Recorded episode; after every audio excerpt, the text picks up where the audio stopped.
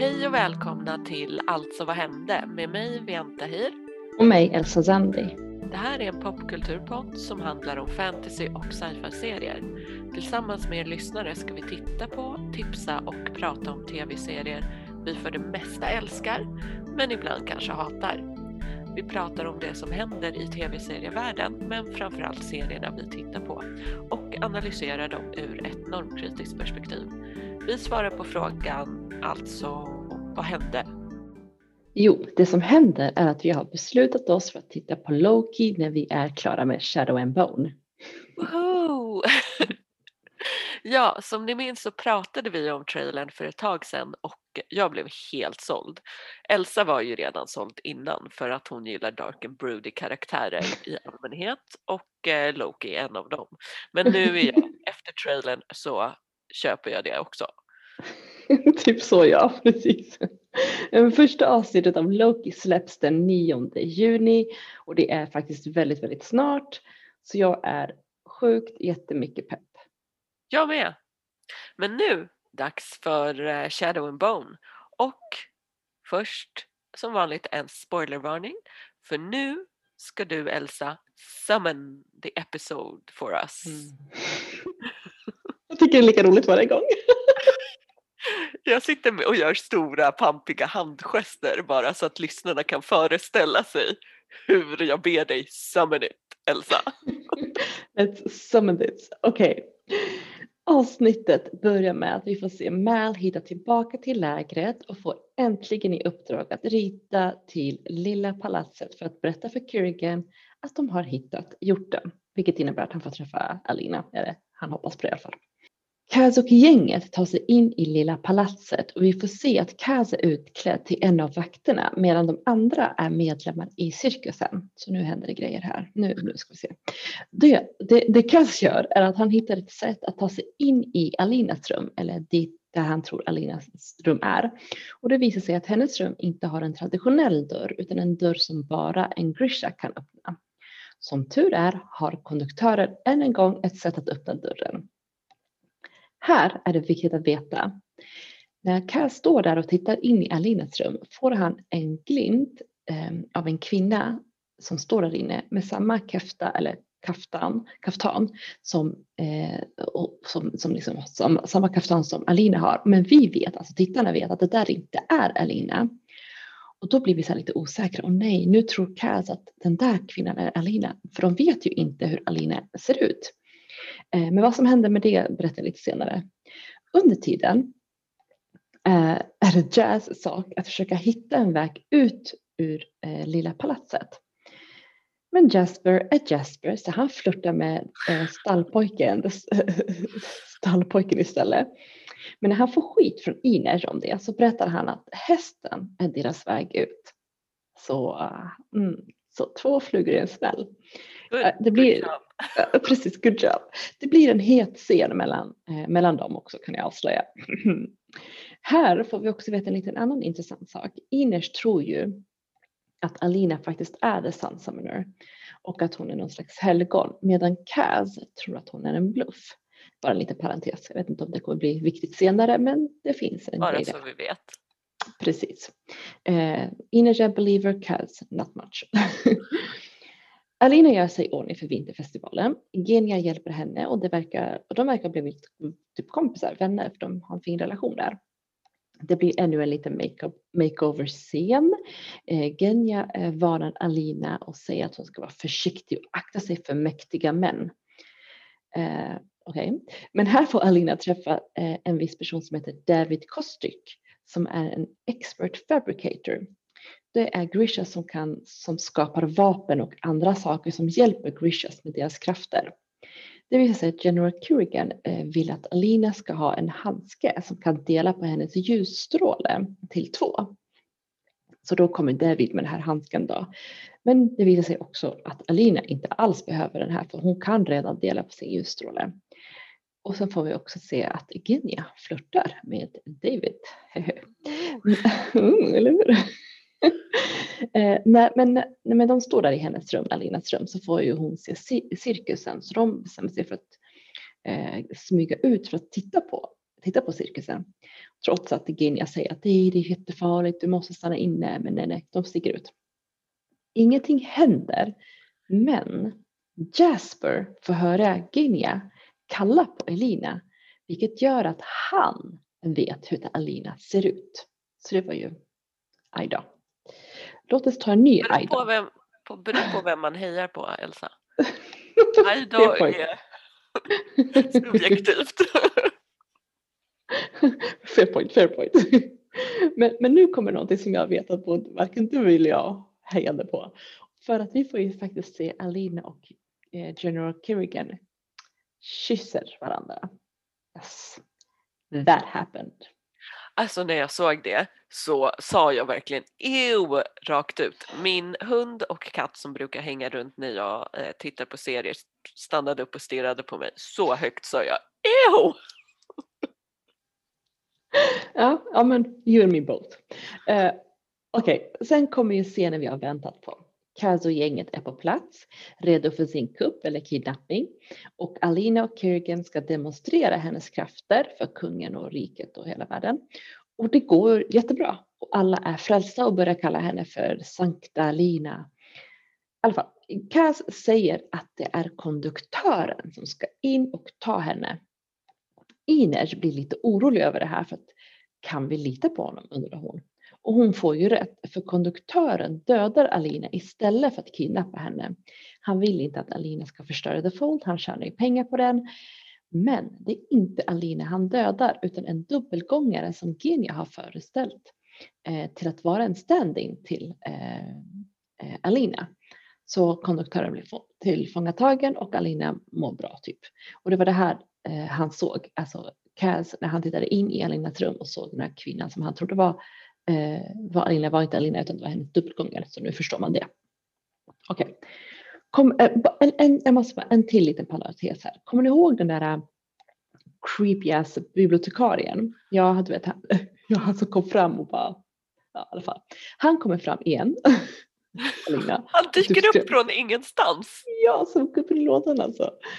Den här gången skrev han skiten ur henne med massa snack. Han säger typ så här att Alina börjar bli farlig och hon kommer bli ännu mer farligare och att hon är ämnad för något större. Creepy much alltså. I alla fall, vi har inte glömt bort det Mel, för lagom till allt det här så kommer Mel in. Han träffar Kirken och berättar att han har hittat Morozovas hjort men vägrar visa exakt vart han såg hjorten. För han vill träffa Alina först. Clever. Alina som Kerrigan precis har hånglat med bara för någon timme sedan. eh, Jo. eh, jo, precis. De, ja, mm. Kerrigan säger i alla fall till en vakt att eskortera Mal till, till Alinas rum och om Alina approves så kommer eh, Kerrigan att skicka henne till eh, honom senare. So he says. Men soldaten för honom någon annanstans och försöker döda honom istället. Men i alla fall, efter en rätt grym eh, fightscen så dödar Mal soldaten istället. Så det löser sig för honom också. Under tiden allt det här händer får vi reda på att Bagga absolut inte vill att Kerrigan ska ha tag på hjorten. Hon säger någonting i stil med att han kan inte få så mycket makt. Vi får inte tillåta det. Nej, nej, nej. Okej. Och det är alltså hon som har gett order om att döda Mal.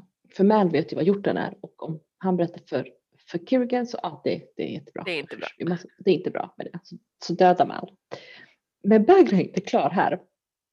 För hon letar upp Alina som precis var på väg att få lite sexy time med Kerrigan innan de blev avbrutna. Jo, Exakt, tack. Och säger till henne att hon måste härifrån. Bort ifrån lill, eh, lilla palatset och definitivt bort ifrån oj, thank you. Precis. Men nu får vi veta, nu får vi reda på en massa saker igen. Nu händer det grejer här. Det visar sig, hold your horses nu, ta det lugnt. Det visar sig. Jag är redo, jag är redo. det visar sig att Kerrigan utnyttjar Alina för att expandera The Fold och använda The Fold som ett vapen. Och det är därför han skapade den. Say what? Okej, ja. det kommer mer. Det kommer mer. Bagra är Kerrigans morsa. Är det, alltså jag säger det, alla har mommy issues. What, in the what?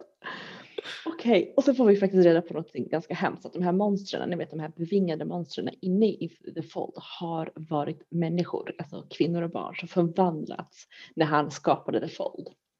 Så det är ganska jobbigt att veta. Eh, Bagra visar Alina en väg ut ur eh, palatset, men hon litar inte på Bagra heller. Så hon är så här, åh nej vad ska jag göra? Så istället för att typ Bagra säger, så när du kommer till det här, när du kommer till korsningen, ta höger. Hon bara, eh, nej, tack så mycket. Jag tar vänster istället. Någonting, hon tar en annan väg. Ja. Hon hittar en annan väg ut. Okej, okay. vad betyder allt det här för The Crows då? Jo, deras plan sket sig och nu jagas de av Grisha som är ute efter dem.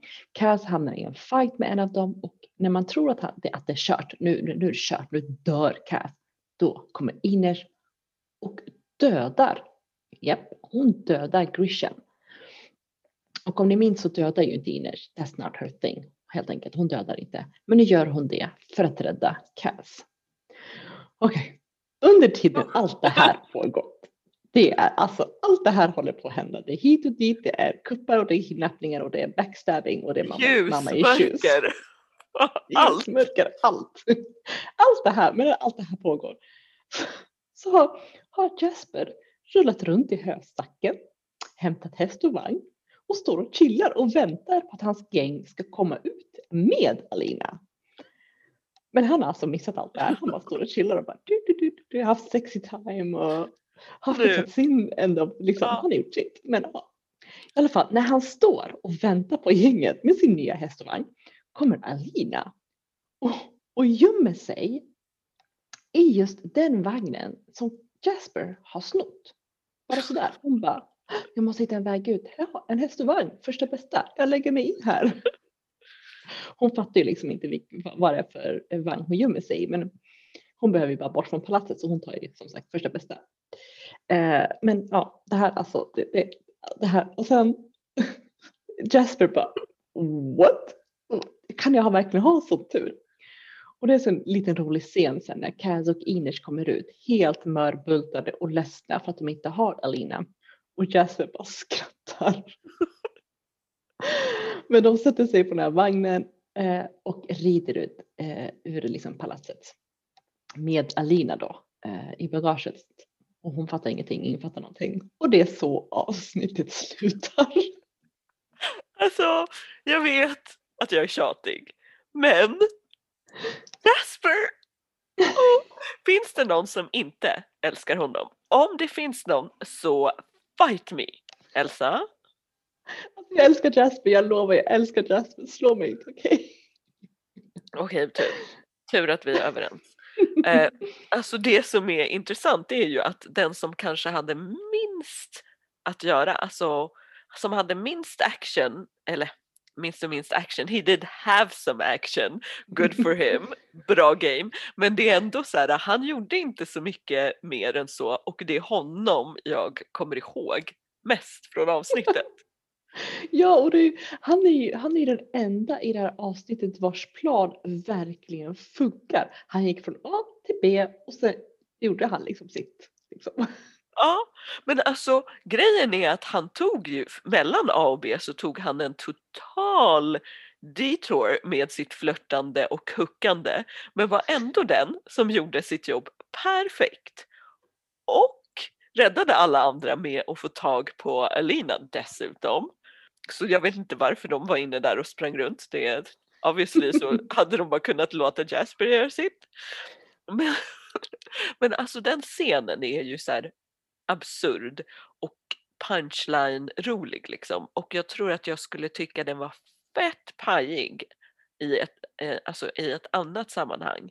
Men jag tycker den funkar just för att det är han, alltså både karaktären och skådisen, att de säljer in den perfekt. Mm. Med, igen, pizzazz! Det ordet kommer nu spöka mig för evigt. Men här Tyvärr. undrar jag. Ja, nej men nu är det pizzazz. Vi fick inget annat ord. Nu säger jag det helt enkelt.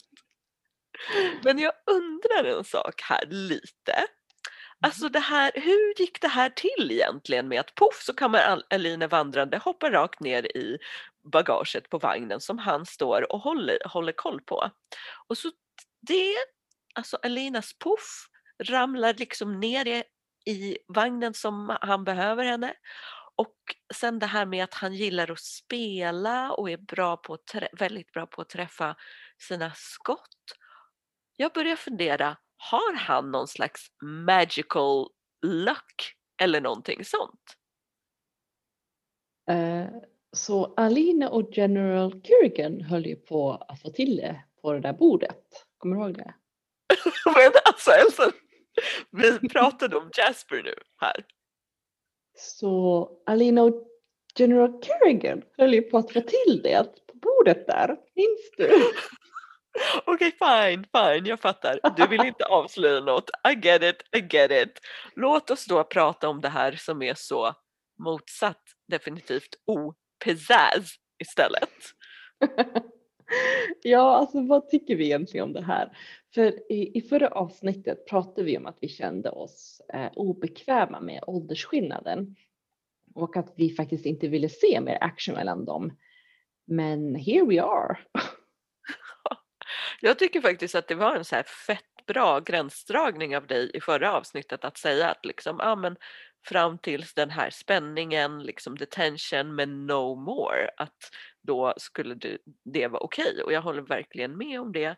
Men nu, jo, de gjorde saker, um, inte så mycket tack och lov, but still de hånglade liksom. Och mm. nu när vi får reda på the actual actual åldersskillnaden på Alina och Kerrigan och allt annat som Bagra berättar så blir det ju ännu mer obehagligt liksom. Mm. Ja precis. För nu får vi ju faktiskt svart på vitt att han manipulerat henne. Um, alltså grejen är ju egentligen, för mig i alla fall, åldersskillnaden mellan skådisarna, det är typ 15 år mellan dem. Det, det stör mig faktiskt. För visst, hon är 25 år, hon är vuxen. Alltså hon är, vi pratar inte, alltså skådisen, hon som spelar Alina är ju inte 17, alltså 16-17 år. Hon är 25, hon är vuxen, men det är något som skaver. Alltså här tror jag att det är superlätt för någon annan att dra argumentet ja ah, men han ska ju vara tusentals års äldre och bla bla bla. Fast det argumentet funkar faktiskt inte. För i serien och i boken så ska han ju vara timeless eller liksom så. Forever mm. Young eller whatever och då hade de ju lika gärna kunnat anlita en skådis som är i typ samma ålder som, som henne eller bara typ under 30. Mm, precis. Och i boken ser han ut och verkar, han, alltså, han, han ser ut och verkar vara i samma ålder, i alla fall nära ålder som Alina, inte 15 år äldre. Jag vet inte, hur som helst, alltså det känns fel.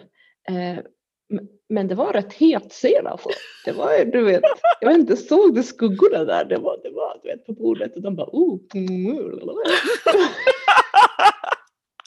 Okej, det lät ju som en jättebra beskrivning.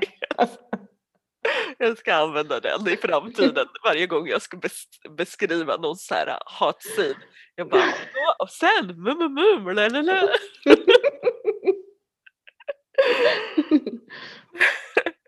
Men alltså med den scenen liksom, där som vi mm. fortfarande tycker är jo, så har det ju förts fram ett annat argument och det är liksom att eh, det skulle vara okej för att det var eh, hon, alltså karaktären Elina, som tog initiativet till det här mum mum mum la la la. Men! Mm, mm, vet du vad det är? Det visar ju, som jag tycker att det visar ju ännu mer på att hon har blivit manipulerad så pass mycket att hon tar initiativet till kyssen. Förstår du? Det, det är typ ja. så här Stockholms syndrom tycker jag. Så, så, så, det argumentet håller liksom inte. Nej, alltså, nej, jag tycker faktiskt inte det. Och, ba, och Bagra säger ju rakt ut till Alina och Osta att Kirigan har haft tusentals år på sig att förfina sin liksom, manipulativa förmåga. Så att hon tar initiativet tycker jag tyder på att han är en mästare på manipulation. Inte att hon har kontroll över situationen, tvärtom. Ja, absolut, absolut. Här är det liksom verkligen ett spel through and through. Hela liksom allting från första sekunden som han träffade henne har Mm. varit ett spel through and through. Vilket gör att det blir fett obehagligt då. Mm. Och i böckerna i och för sig tog det ju lite längre tid att de skulle kyssas för Kerrigan eh, manipulerar ju henne längre. Man vet ju liksom inte, är han kär, är han inte kär, vad är det som händer? Så i tv-serien går det ju rätt så fort fram. Och det kan ju också vara det som spökar lite i vår dislike av den här situationen, att det går lite för fort fram. Ja, jag, jag tänker om man lägger ihop allt det. Dels att vi har så många aspekter som vi tycker är problematiska med åldern, och åldersskillnaden och liksom maktobalansen på skådisarna. Och så lägger man till åldern eller åldersskillnaden i karaktärerna och plus att det går så fort. Den hela grejen tillsammans gör ju Mm. att man känner att han är verkligen fucking evil. Det- är alltså det är beyond evil. Och jag tänkte på en sak. Jag och du har ju läst böckerna och bara faktiskt egentligen väntat på den här twisten typ. Ehm, eh, Men jag tycker att skaparna gjorde det uppenbart redan från början, alltså eh, tv-serieskaparna gjorde det uppenbart från början att han var så evil. Så jag undrar om det här verkligen var en så stor twist för de som inte läst böckerna. Ja, alltså jag var ju lite pretends to be shocked. Mm. Det var så uppenbart visst, Ja. för att vi visste. Men jag tycker vi slänger ut den frågan. För jag håller med, man vet inte. Är det bara vi som läst som såg det här och tyckte att det var uppenbart? Eller var det obvious för alla, inklusive någon som inte har läst att han skulle vara evil? Nu till Infinity and Beyond. Hemläxan, Elsa Lightyear. Men det här är ju näst sista gången jag ser dig i rymden, kanske. Vem vet vad jag väljer? Men det här är i alla fall näst sista gången jag ser dig på Discovery. För du är ju nästan klar och jag är nästan klar. Så nästa avsnitt så pratar vi om finalerna och ger varandra en ny hemläxa. Mm, yes, det stämmer alldeles jätte, jättebra Vian. jag är superexalterad över din nya hemläxa. Men jag är också sjukt nervös. Jag har funderat och jag har tänkt jättemycket på det här. Alltså, jag är jättenyfiken på vad du ska säga. För det här, det här kan gå, alltså, den hemläxan jag tänkte ge dig, det kan gå lite hur som helst. Jag är, jag är väldigt nervös, men jag ser fram emot att, att höra din reaktion också. Åh gud! Oh, jag är supernyfiken! Alltså jag klarar inte av sånt här. Jag blir alltid sjukt nyfiken. Jag har en misstanke. Alltså, jag har en misstanke. Eh, så jag får se om den stämmer. Men grejen är att om den stämmer, I will curse you out. Alltså, Oh, no. I will curse you out, men jag kommer ändå kolla. Så Okej. ja. vi får se. Vi får se om den stämmer eller inte. Men eh, sen är jag ju lite kluven på vad jag ska välja för din hemläxa. För jag har två kandidater och du kanske kommer curse me out om mitt val. Jag är rätt nervös där också. Men jag känner att jag är så glad över att jag lyckades kasta in dig i Star Trek-universumet. Så, så glad. Samtidigt lite sorgligt att det nästan är över. För vad är det nu? Vad händer? Vad gör de? Säg ja, det är. Nej men tydligen är det här näst sista avsnittet så nästa vecka är the grand finale av säsong ett av liksom, Discovery. Oh, vad händer inte? Nej men det känns som att varenda gång jag ska berätta, jag jag vet inte vilket ände jag ska börja i. Men alltså jag har, alltså Ash är ju tillbaka på Discovery och han är ju liksom, han är, alltså det, han är beredd, alltså det Alltså den tyngden han bär på, men han minns ju alltihopa men ändå minns han inte, han vet inte vem han är. Och det är så mycket pain. Och han får liksom deal with it. Um, men det går ju liksom inte att lita på honom. Jag kommer aldrig kunna se honom igen. Eller se honom så som jag tänkte. Jag tänkte säga, jag kommer aldrig se, se honom så som jag gjorde. Så bara, vänta jag ringde aldrig på honom Du, ändå. du, har, nej, du har aldrig sett honom som du gjorde. You never trusted him in the first place. Ja, precis. Ja, men Du kommer bara fortsätta, fortsätta se honom som du alltid gjorde. precis. Men, li, med, men med lite mer så här, lite mer så här, I feel sorry for you, but get, get out. I feel sorry for you, but get out. Just get out. Um, men det var en fin scen, eller en hjärtskärande scen mellan Michael och Ash när hon liksom så här, hon bara, så jag kan inte se honom, jag går inte, jag kan inte. Men, men Tilly fick väl henne att liksom inse att han behöver att du liksom tar ett snack med honom. Och de, de hade ett, liksom, ett ganska heartbreaking farewell där hon bara sa att jag kommer aldrig kunna lita på dig. Det kommer aldrig gå. Medan Ash bara, du, du har aldrig litat på mig, du litar aldrig på någon nu när det börjar bli seriöst och det blir, börjar bli komplicerat så, så drar du dig ur. Där tänkte jag faktiskt, shut the fuck up Ash, vadå det Ja. börjar bli komplicerat. You Det här är beyond. Precis. Ja, jag vet, jag var också så. Jag var bara, åh gud, han bara, det, det, var så, det, där var, det var bara så här weak ass shit. Jag bara, nej men det här går inte, det här går inte. Äsch, bara. Så, de, så, så ja, ah, det var bara idiotiskt. Men Michael sa ju så här, men jag kan inte vara den du vill att jag ska vara för, för jag litar inte på dig. Du försökte döda mig, det går inte, hejdå. Men det var ändå ganska, det var en fin scen. Jag, jag vet att jag liksom så här trackade ner på Ash den scenen, men, det- men det var en fin scen. Det var typ så här heartbreaking. Så Michael kände sig lite ensam. Och sådär. Men när de kommer tillbaka, det här måste jag också säga, det är ganska viktigt att säga, att när de kommer tillbaka från det här eh, parallella universumet, the mirrorverse, så visar det sig att de kommer tillbaka nio månader liksom, i framtiden, måste säga. Eh, så nio månader har gått sedan de liksom har eh, och de är i fullt krig med the Klingons och the Klingons håller på att vinna. Och det är, alltså det är, det ser ut att vara, it's dark dark, dark ages. Typ. Det är dark, väldigt, väldigt mörkt just nu. Ser det väldigt mörkt ut för all, alla andra förutom Klingon. Så det är också ganska viktigt att säga. Och sen så tycker jag att alltså, vi har ju fortfarande vår älskade Filippa, eh, kapten. Ja. Och eh, hon är kvar, men hon är typ så här, alltså, jag vill inte vara här, skicka mig tillbaka med det här för jävla skit, jag vill inte vara här. hon, så, jag älskar den här kontrasten med den här första Filippa man såg från första avsnittet. Hon här ödmjuka, mentorn, lärande, giving, caring och otroligt eh, liksom, kloka Filippa versus den här badass, cold-hearted, eh, kalkylerande, otroligt oberäkneliga Filippa. Det är så stora kontraster och jag älskar det. Du vet ju själv, vi pratar ju om det. Jag älskar ju lite så här komplicerade och mörka karaktärer och här har jag älskade Filippa som är så. Jag älskar den här Alltså, Filippa.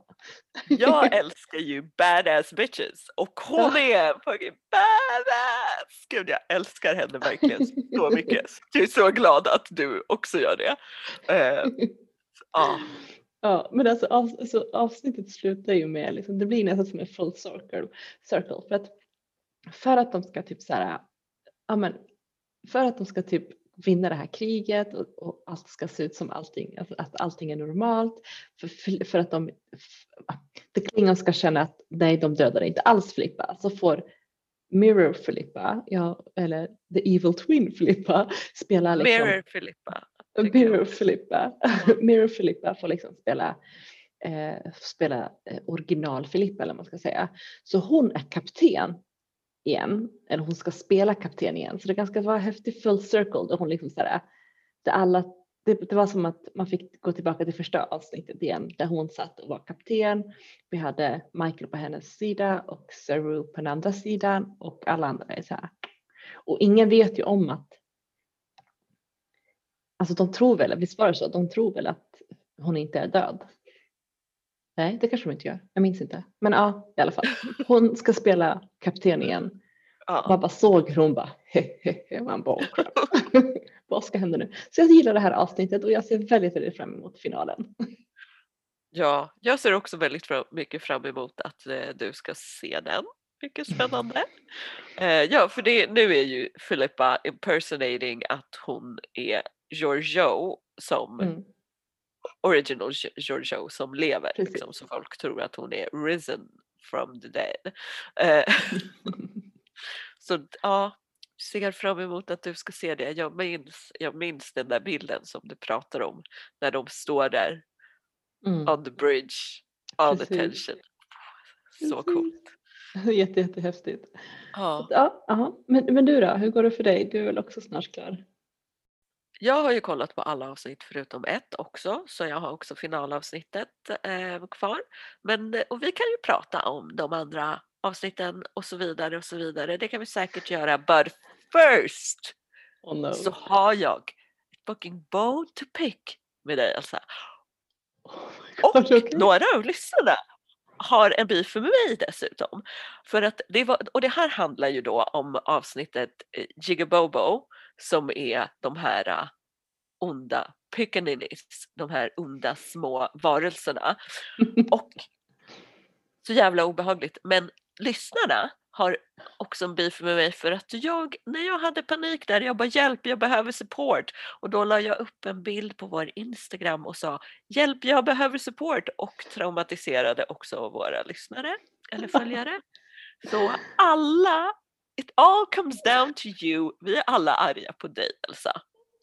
Herregud, alltså du behöver ju faktiskt inte skälla ut mig för att alltså, jag fick ju ett rätt så argt ljudmeddelande efter att du hade tittat på det här avsnittet. Så jag har redan fått skäll. Ska vi lyssna på det? Vi, vi lyssnar på det. Okej, okej. Okej, jag är halvvägs igenom det här fucking avsnittet och en av de här vidriga ungarna, hon, de, hon försökte, hon gick in i, jag tror att hon försökte åka iväg med bilen, jag vet inte, hon, och då hoppade den upp och slog händerna mot fönstret, bilfönstret och jag eh, skrek rakt ut. Jag vet inte vad jag ska göra nu, om jag ska titta klart för att det kommer gå bra. Alltså jag tror det kanske kommer gå bra. Jag, jag vet inte om jag ska titta klart eller om jag bara ska pausa och aldrig trycka på play någonsin igen. Du lovade inga spöken. Eller det kanske, fan du kanske inte lovade inga spöken. Men du borde ha sagt, vi hann sluta på avsnitt åtta. Du borde ha sagt det till mig. Eller bara förberett mig. Jag sa i alla fall till att någonting stort kommer hända. Men ja, jag antar att det här är din justice. Jag såg, för jag såg sci-fi avsnittet precis innan och det var jättefint. Jag älskade det. Så då ville jag bara se vad som skulle hända när hon kom tillbaka. Jag ville inte se fucking freaky pickaninny ghosts. Fy fan. Ja, men ja, som, du, som du hör, som jag sa i mitt skällande där, så är alltså de är ju fett obehagliga de här spök-pickaninnies. Mm. Alltså grejen är att pickaninny i sig är tillräckligt obehagligt utan att de ska bli något monster.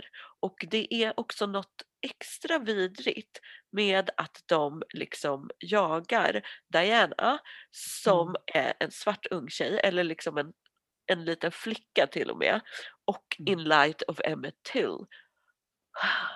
Det, är till, Mm. alltså det, var, det var tillräckligt obehagligt till att börja med.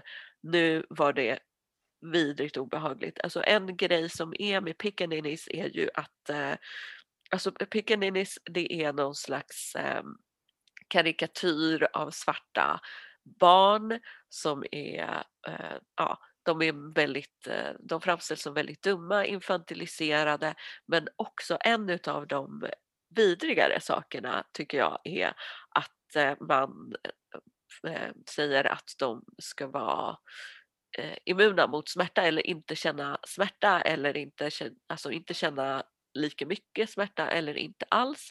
Och det här är liksom, eh, var ju någonting som på något sätt användes som väldigt dehumaniserande mot eh, svarta barn under slaveriet. Att man liksom hade en bild utav dem som att de inte kunde känna smärta. Eh, så hela Piccadilly-stereotypen eller skildringen är fett obehaglig och fett obehagligt vad det användes till. Mm. Och sen Jaha. lämnade ju Lovecraft Country som vanligt upp det här lite extra. Alltså Som till mitt förs- Ja, förlåt? Ja, precis. Men till mitt försvar måste jag bara säga att jag hade totalt alltså, glömt bort det. Alltså jag hade totalt glömt bort det att varna det för dig. För att jag håller med, de var creepy as fuck alltså. Men jag hade tryckt ner det så mycket för jag tänkte hela tiden att jag ville prata om M1 med dig, hur de hade framställt det där hela, uh, hur de hade gjort det. Så jag var så här, åh det här vill jag prata om, det här vill jag prata om. Och så bara, åh just det, det är som, åh just det, oh crap. När jag fick se bilden jag bara, åh nej, åh nej. Alltså jag förtjänar utskällningen, jag förtjänar att folk är arga på mig. jag gör faktiskt det, för det är jätteläskigt. Men, men jag glömde bort. Ja, alltså. Jag, jag är lite mer van att se skräckis så jag glömde bort, sorry. Ja, ja, och sen är det just den här. Det här är den typen av skräck, alltså det här med lite spökaktiga som Mm. är den som jag kan hantera sämst. Monster och sånt, fine, men spökaktigt, jag är sämst på att hantera det. Och ja, som jag sa, ko- kopplingen här mellan, mellan Emmett Till och hur brutalt han blev dödad och Pickaninnies som är, eh, som liksom man eh, säger eh, inte känner någon smärta och Mm. hur Diana blev jagad av dem. Den här tråden liksom var, gjorde det hela extremt obehagligt. Jag kan inte säga att jag förlåter dig men eh, jag förstår. Jag förstår att det här råkade hända. Ska vi bara säga lite om, lite om vem Emmet var, bara lite kort. Alltså det här var ju en 14-årig kille som eh, en dag faktiskt blev anklagad för att ha tafsat på en vit kvinna. Hon bara, du har tafsat på mig. Och eh, ett par, alltså det här är en 14-årig pojke, ett par äldre herrar jagar honom och slår ihjäl honom brutalt. Eh, hans kropp hittas ju i sjön sen några dagar efter. Och det, det som gör det här ännu mer jobbigare, eh, det, alltså det här är utan trial, det här är utan någonting, utan det är en vit kvinna som säger att han tafsade på mig. Eh, en 14-årig kille liksom. Eh, det som är det brutala är ju att innan hennes död, den här kvinnan som blev tafsad på, erkände hon att hon ljög. Så det kom ju fram att han faktiskt inte hade rört henne utan Ja. blev ändå på det här. Alltså, Ja. Jag bara Ja, och ville remember him. Jag bara tänker remember his Ja. name så känner jag bara ville ja. prata om Och honom. det som, är, det som liksom är, det blir så många nivåer i vidrighet här. För ett, Mm. det här är, det är vidrigt att döda ett barn på Mm. det sättet. Överhuvudtaget att döda ett barn är vidrigt. Eh, överhuvudtaget att liksom eh, att han inte fick någon slags eh, trial eller vad man ska säga, att en vit kvinna, det, och det här var väldigt vanligt också eh, Mm. förr i tiden, det var också väldigt vanligt under slaveriet, att vita kvinnor liksom eh, anklagade svarta män för saker. Eh, vita kvinnor kunde ta initiativ till saker och sen anklaga svarta män för att de hade eh, utsatt dem för ett övergrepp. Liksom. Det här var väldigt vanligt eh, tyvärr. Mm. Eh, så det är liksom ganska många olika nivåer eh, utav hemskt eh, i hela den historien. Eh, och i hela det avsnittet hur de hanterar det. Jag tycker att det var ett väldigt eh, creepy men väldigt bra sätt samtidigt att använda de här uh, pickaninnies som jagade henne genom avsnittet som ett sätt att eh, koppla till det eller gestalta det. Liksom. Mm. Mm. Och sen eh, så hoppade jag då till Rema, Rewind 1921 Mm. som är när Hippolyta kommer tillbaka från space eh, och eh, så har ju Diana har blivit cursed utav de här, eh, de här pickaninnies som det var ju sheriffen som liksom skickade, satte en förbannelse på henne som gjorde att de jagade henne och liksom skadade henne till slut. Så Mm. de måste rädda henne. De behöver the book of names, den här magiska boken, för att kunna göra någon slags spell för att eh, eh, rädda henne. Och då kommer i perfekt timing Hippolyta tillbaka från Space. Eh, och de måste, hon måste tillbaka till Space igen. Eller hon måste inte tillbaka till Space. De kommer på att senast den här Book of Names sågs eh, så var det i 1921. Och eh, då måste de resa tillbaka dit. Så Hippolyta acts as a key eller vad man ska säga i den här ma- maskinen som de har upptäckt. Och de kommer tillbaka till eh, Tulsa 1921 mitt i Tulsa Race Massacre. Usch, den är Ja, också brutal. Mm. ja den är verkligen, eh, det avsnittet var också verkligen brutalt. Eh, jag gillar ju timey-wimey, spacey mumbo jumbo, jag gillar när de reser i tiden. Men det här var ett tillfälle då jag bara, nej, Mm. nej, nej, nej, nej, nej. Och det var så mycket som hände liksom så att Mm. Eh, det var mycket det här med att eh, de inte kunde rädda personerna för att de fick inte rädda personerna eh, för att det skulle ändra tidslinjer och så. Mm, Ticks pappa, Montrose, fick inte rädda sin första kärlek ja, som han dessutom aldrig hade berättat eh, för någon om, eh, som var en, en ung kille då som blev mördad eh, av polisen. Liksom. Så han fick inte göra det, de fick inte rädda släkten. Ja. Så det att eh, de var tvungna att åka tillbaka till Mm. den här massakern, se den och inte kunna göra någonting. Och Ja. ja, jag minns, och en av scenerna som jag minns som samtidigt, alltså det är en sån där scen som man bara fast du borde springa just nu så här kan du inte hålla på, vi har inte tid. Men det var väldigt impactful. Det är när eh, Laddie är på väg tillbaka med boken och allting bara brinner runt omkring. Alltså det, husen brinner, det är liksom kalabalik medan hon går längs med en gata som är nästan öde och eh, Mm. vad heter det? Öde och Folktom. demolerad liksom. Ja, Ja, öde ja. och demolerad och liksom så. Ehm, så det var ett väldigt bra avsnitt det också. Extremt mycket, extremt nära eh, Black Lives Matters demonstrationerna tycker jag. Eh, Mm.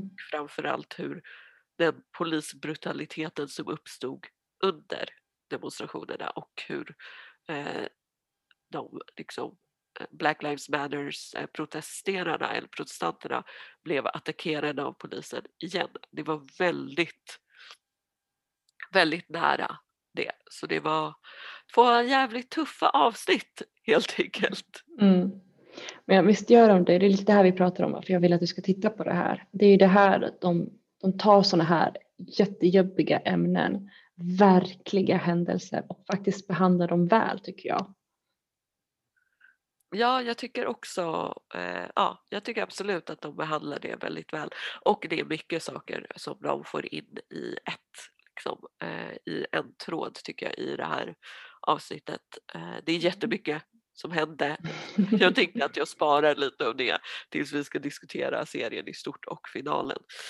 Men nu eh, kommer de alltså tillbaka med den här Book of Names, tillbaka till 55 och Stuff is about to go down. Nu är det finalen. Vad ger vi en Lovecraft Country slutbetyg? Var det värt alla sömnlösa nätter? Och hur tyckte Elsa hennes rymdresa med Star Trek Discovery var? Och var ska Jasper, Kaz och Ines ta vägen med Alina? Hur går det för er med serierna? Hör gärna av er på Instagram, Facebook och Twitter där vi självklart heter att Alltså vad hände? Du har lyssnat på Alltså vad hände med mig, Vianta Hir. Och mig, Elsa Zandi. Vi hörs nästa tisdag när vi pratar vidare om Shadow and Bone, Lovecraft Country och Star Trek Discovery.